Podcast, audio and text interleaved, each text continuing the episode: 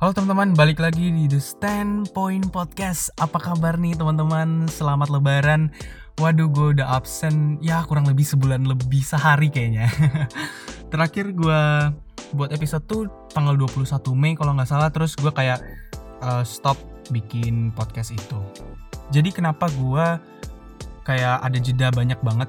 Maksudnya ya hampir sebulan itu karena gue kayak coba istirahat bentar dari sosial media, dari content creation atau buat-buat konten ini. Gue ambil waktu ya kurang lebih sebulan untuk uh, memperhatikan diri gue dulu. Dan kemudian hari ini gue merasa sudah nyaman dengan diri gue, lalu gue buat podcast atau ya bisa dibilang konten bagi teman-teman semua.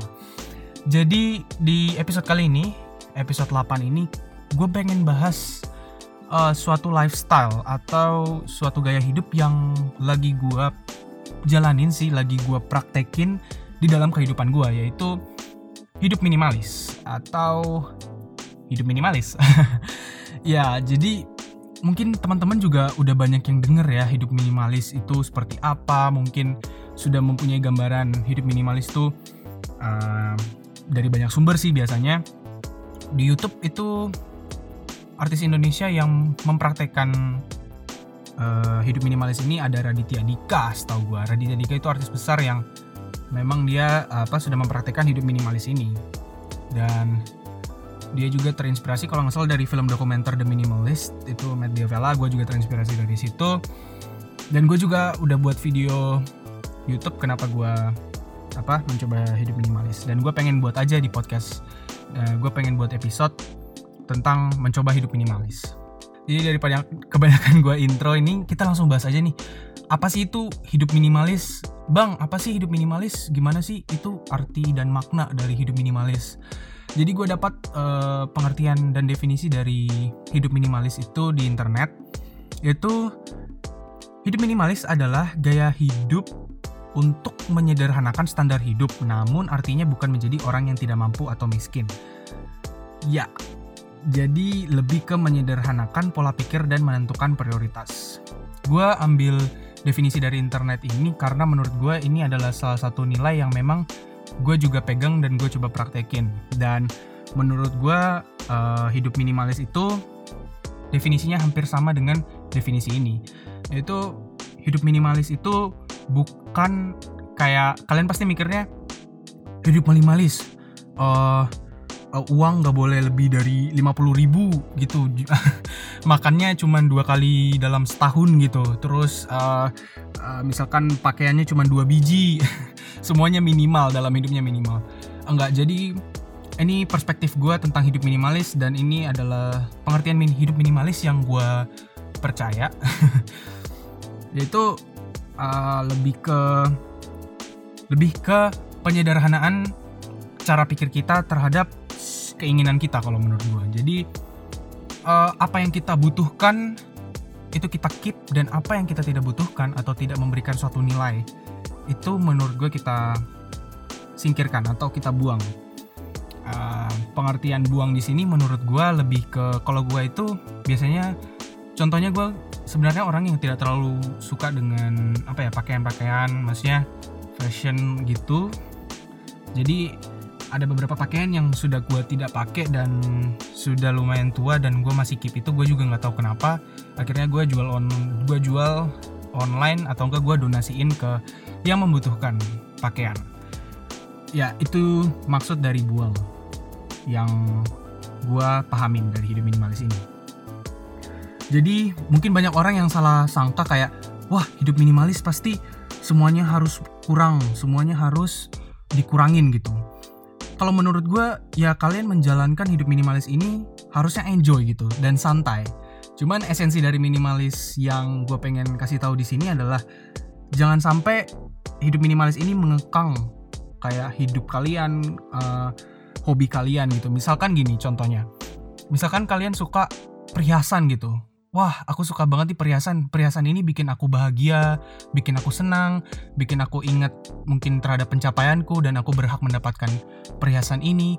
Menurut gue kalian boleh keep itu karena perhiasan itu memberikan suatu nilai atau suatu value menurut gue ke teman-teman gitu loh. Kayak uh, nilai apa pun itu setidaknya hal itu atau barang perhiasan itu tetap memberikan nilai ke kalian gitu loh. Kayak memberikan kalian kebahagiaan kalian uh, apa senang melihat perhiasan itu kalau menurut gue kalian boleh keep. Dan mungkin ada teman-teman yang suka barang-barang bermerek atau uh, suka koleksi sepatu ya udah nggak apa-apa. Asal barang itu masih memberikan suatu value gitu. Dan maksud gue barang suatu value ini kalian nggak bingung barang ini mau diapain gitu. Kalau kayak gue gue ini tidak terlalu suka kayak uh, apa tidak terlalu tahu kayak merek-merek fashion gitu. Jadi gue merasa kayak oh gue cuman kayaknya cuman butuh ya gue gue nyaman dengan pakaian seadanya aja gitu loh. Jadi ya udah gue pakai pakaian. Karena yang ada beberapa pakaian yang gue jual atau donasi itu karena gue bingung itu mau diapain. Gue nggak pernah pakai juga. Ya yang ada cuman menu-menuhin lemari gue ya jadi uh, konsep hidup minimalis itu dan arti hidup minimalis bagi gue itu seperti itu. Jadi ya pokoknya menyederhanakan pola pikir kalian dan prioritas apa saja yang memberikan kalian sebuah nilai. Kemudian uh, penerapan hidup minimalis mungkin banyak juga yang nanya uh, gimana sih uh, jadi minimalis yang baik, jadi seorang minimalis yang benar-benar minimalis gitu. Jadi kalau menurut gue sebenarnya nggak ada sih aturan spesifik yang menentukan oh kamu nggak bisa dianggap minimalis nih karena mungkin kamu terlalu banyak uh, mobil misalkan. Kalian menurut gue itu uh, apa ya tidak bisa dispesifikin seperti itu. Karena saat karena semua orang itu punya uh, prioritas mereka masing-masing dan memvalue atau menilai suatu barang berbeda-beda. Karena pandangan orang terhadap suatu barang itu juga bisa berbeda-beda. Tapi ada beberapa cara gitu loh uh, yang umumnya orang uh, buat ketika menjalani hidup minimalis itu. Gue punya tiga contoh. Yang pertama itu mengurangi jumlah barang atau ruang space yang berlebihan. Misalkan uh, rumah kalian punya 5 toilet, terus 10 kamar uh, 10 kamar master bedroom gitu misalkan. Dan uh, kalian cuman hidup sendiri atau sama istri, dua anak, empat orang. Menurut gue kalau misalkan kalian nggak tahu ruangan itu mau di, diapain atau ruangan itu cuman kosong doang ya itu biasanya dikurangin atau enggak mungkin kalian renovasi uh, tempatnya itu jadi gym entah jadi ruang bermain yang bisa digunakan. Jadi sebenarnya konsep hidup minimalis ini menurut gue lebih meng apa ya me, memanfaatkan barang dan ruang yang ada dengan sebaik mungkin dan memanfaatkannya itu benar-benar uh, mem memberikan kalian suatu feedback yang positif gitu menurut gua. Terus yang kedua kalian juga bisa menguras mengurangi sorry mengurangi rasa kepemilikan yang terlalu besar terhadap suatu barang. Misalkan gini, aduh uh, kayaknya baju gua nih apa ya? Hmm, gue nggak suka warna ini, gue ganti warna lain ah. Gue juga ah, tapi dua hari kemudian kayaknya warna ini nggak cocok deh. Beli lagi beli lagi beli lagi. Jadi rasa kepemilikan lu terhadap barang itu tinggi banget. Biasanya orang uh, biasanya orang yang pengen mencoba hidup minimalis ini mengurangi uh, godaan-godaan kayak gitu loh. Kayak wah gue pengen banget nih punya perhiasan ini gue pengen banget nih punya sepatu ini gitu. Terus yang terakhir kalian bisa mengontrol pembelian suatu barang yang tidak terlalu dibutuhkan. Kayak tadi sih sebenarnya rasa kepemilikan. Jadi kalian membeli barang yang benar-benar kalian kalian butuhkan dan memang kalian um, gunakan gitu. Jadi barang-barang yang tidak terlalu dibutuhkan itu menurut gue pembelian atau uh, purchasingnya itu harus dikontrol kalau menurut gue terus apa ya?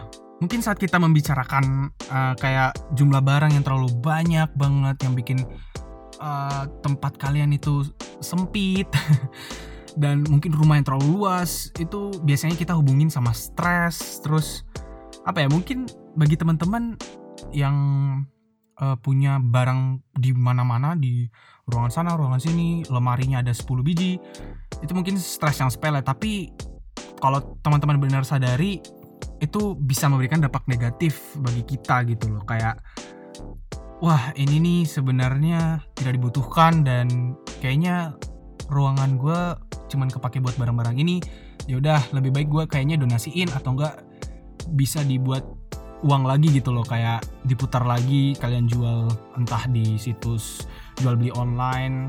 Ya sekarang uh, kalian juga bisa melakukan itu gitu loh.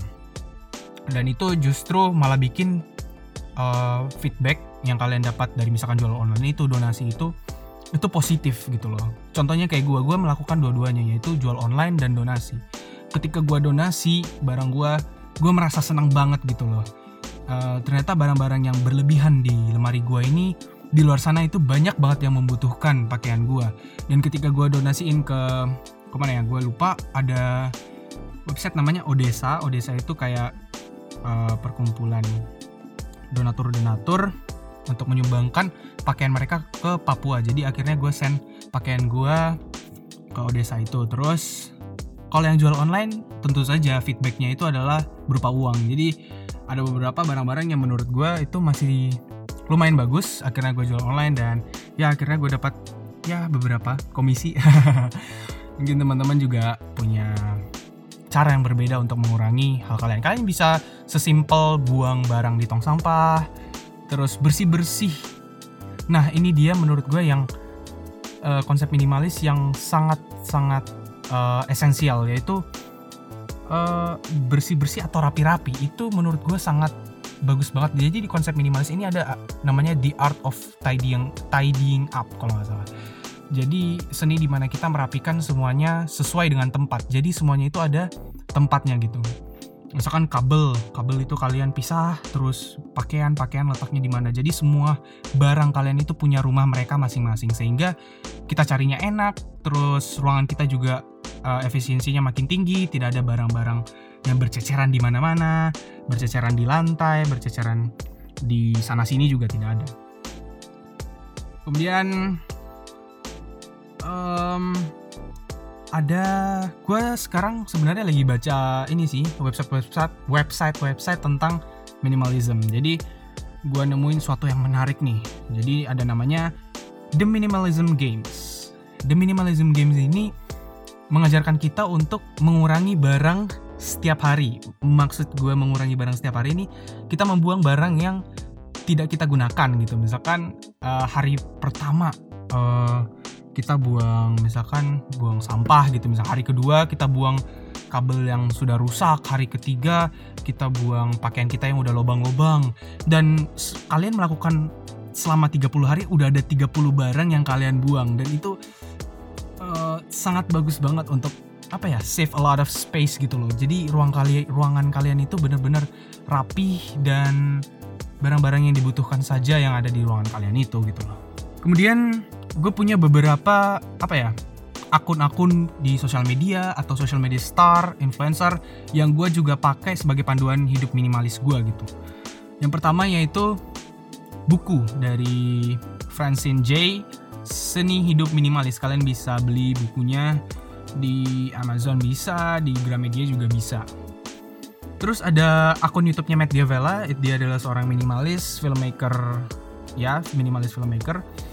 Itu filmnya keren-keren banget dan message-message dari video yang dia buat itu sangat clear gitu. Jadi orang langsung bisa dapat, oh poin-poin ini yang harus gue lakukan dan poin-poin ini yang harus gue catat untuk menjalani hidup minimalis gitu. Terus ada juga Nathaniel Drew. Nathaniel Drew ini juga artis YouTube, minimalis filmmaker juga. Dia membuat how to be productive, how to be apa a minimalist. Dia lebih ke kalau nggak salah digital minimalism deh. Jadi HP kalian itu dibuat seproduktif mungkin agar ya hari kalian itu makin produktif gitu. Kalian nggak terganggu oleh sosial media, kalian nggak terganggu oleh notif-notif dan ya. Kemudian ada yang terakhir akun YouTube The Minimalist. The Minimalist ini yang buat film dokumenter itu yang di Netflix. Uh, The Minimalist kalian juga harus cek juga channelnya karena mereka juga memberikan apa ya pandangan tentang minimalis yang sebenarnya seperti apa. Terus kalian bisa follow akun IG-nya The Minimalist. Terus uh, gue pengen bahas apa ya pengalaman hidup gue dengan minimalism ini gitu jadi gue sudah mencoba gue gue belum anggap diri gue sebagai uh, minimalis yang baik. Cuman gue berusaha untuk menjadi minimalis. Gue mencoba hidup minimalis minimalism ini dari berarti dua bulan yang lalu dari tanggal apa dari bulan April awal kalau nggak salah tanggal 2 gue mencoba untuk uh, barang-barang gue yang gue pakai mana yang gue nggak pakai mana gue pisahin terus gue jual online gue donasiin. Dan barang-barang yang masih gue pakai gue simpan. Terus um, kayak misalkan gue juga mengaplikasikan digital minimalism dari Nathaniel Drew. Jadi HP gue itu aplikasinya hampir semua gue pakai. Dan aplikasi-aplikasi yang tidak gue gunakan itu gue delete. Uh, misalkan kayak tools-tools utility-utility yang gak jelas. Di HP gue itu gue hapus. Dan gue pernah juga coba hapus sosial media uh, Instagram. Tapi tidak berhasil karena gue juga butuh Instagram untuk ya post seperti ini gitu loh. Uh, biar teman-teman tahu kapan gue upload kapan gue jadi gue lagi berusaha mencoba membuat mindset di mana gue bisa mengatur keinginan gue terhadap sosial media gitu. Biasanya kita otomatis langsung buka HP pagi-pagi langsung buka HP ngecek feeds terus scroll scroll gue lagi mencoba banget untuk mengatasi hal tersebut gitu loh. Dan ya banyak banget kegunaan apa ya konsep hidup minimalis ini dalam hidup gue sih. Semenjak dua bulan yang lalu banyak hal yang berubah. Gue jadi lebih fokus lebih produktif dengan hal-hal yang gue kerjakan project-project gue yang ada dalam pikiran gue itu bisa akhirnya ada progres gitu. Meskipun belum selesai cuman ada progres ada pergerakan um, dan pekerjaan-pekerjaan yang lain bisa terselesaikan gitu. Misalkan uh, bersih-bersih kosan gitu. Biasanya gue tunda-tunda dan dengan konsep minimalis ini gue langsung tersadarkan bahwa wah ini harusnya waktunya bersih-bersih nih. Akhirnya gue tidak procrastinate atau tidak menunda-nunda lagi. Gue langsung bersihin dan banyak banget kegunaan-kegunaan.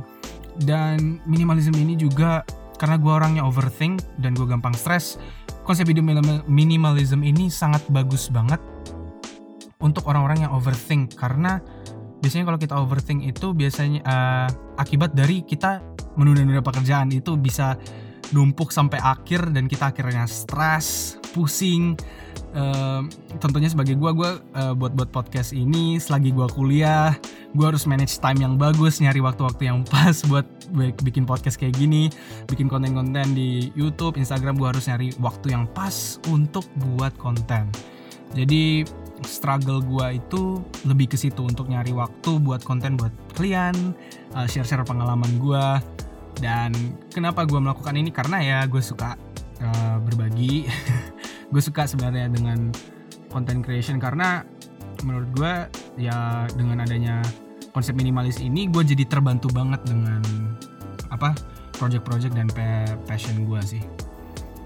Ya oke teman-teman mungkin segitu dulu uh, tentang mencoba hidup minimalis ini di episode kali ini. Dan ya terima kasih banget teman-teman udah nunggu loh. Udah nunggu sebulan lebih untuk uh, menanti episode baru. Dan gue juga sudah buat ada jadi gue kemarin buka akun Instagram gue lagi. Gue lihat ada yang DM bang gimana sih cara bikin podcast? Uh, gue udah bikin tutorialnya di YouTube. Kalian bisa cek di channel gue nanti linknya gue taruh di bawah Terus jangan lupa untuk follow juga akun sosial media Standpoint Podcast. Support podcast ini biar bisa terus upload dan biar bisa terus kasih uh, opini-opini mungkin bagi kalian yang punya problem atau apa. Kalian bisa langsung DM ide-ide apa episode buat podcast ini kalian bisa DM. Oh ya, voice message juga uh, kalian bisa send dan mungkin aja kalau kalian laki, kalian bisa di feature di salah satu episode di The Standpoint Podcast. Oke, okay, uh, eh, terima kasih semuanya dan ya sampai jumpa di episode Standpoint Podcast selanjutnya. Gue sangat senang. Oke, okay, terima kasih dan selamat malam, selamat pagi, selamat siang dan selamat sore. Bye.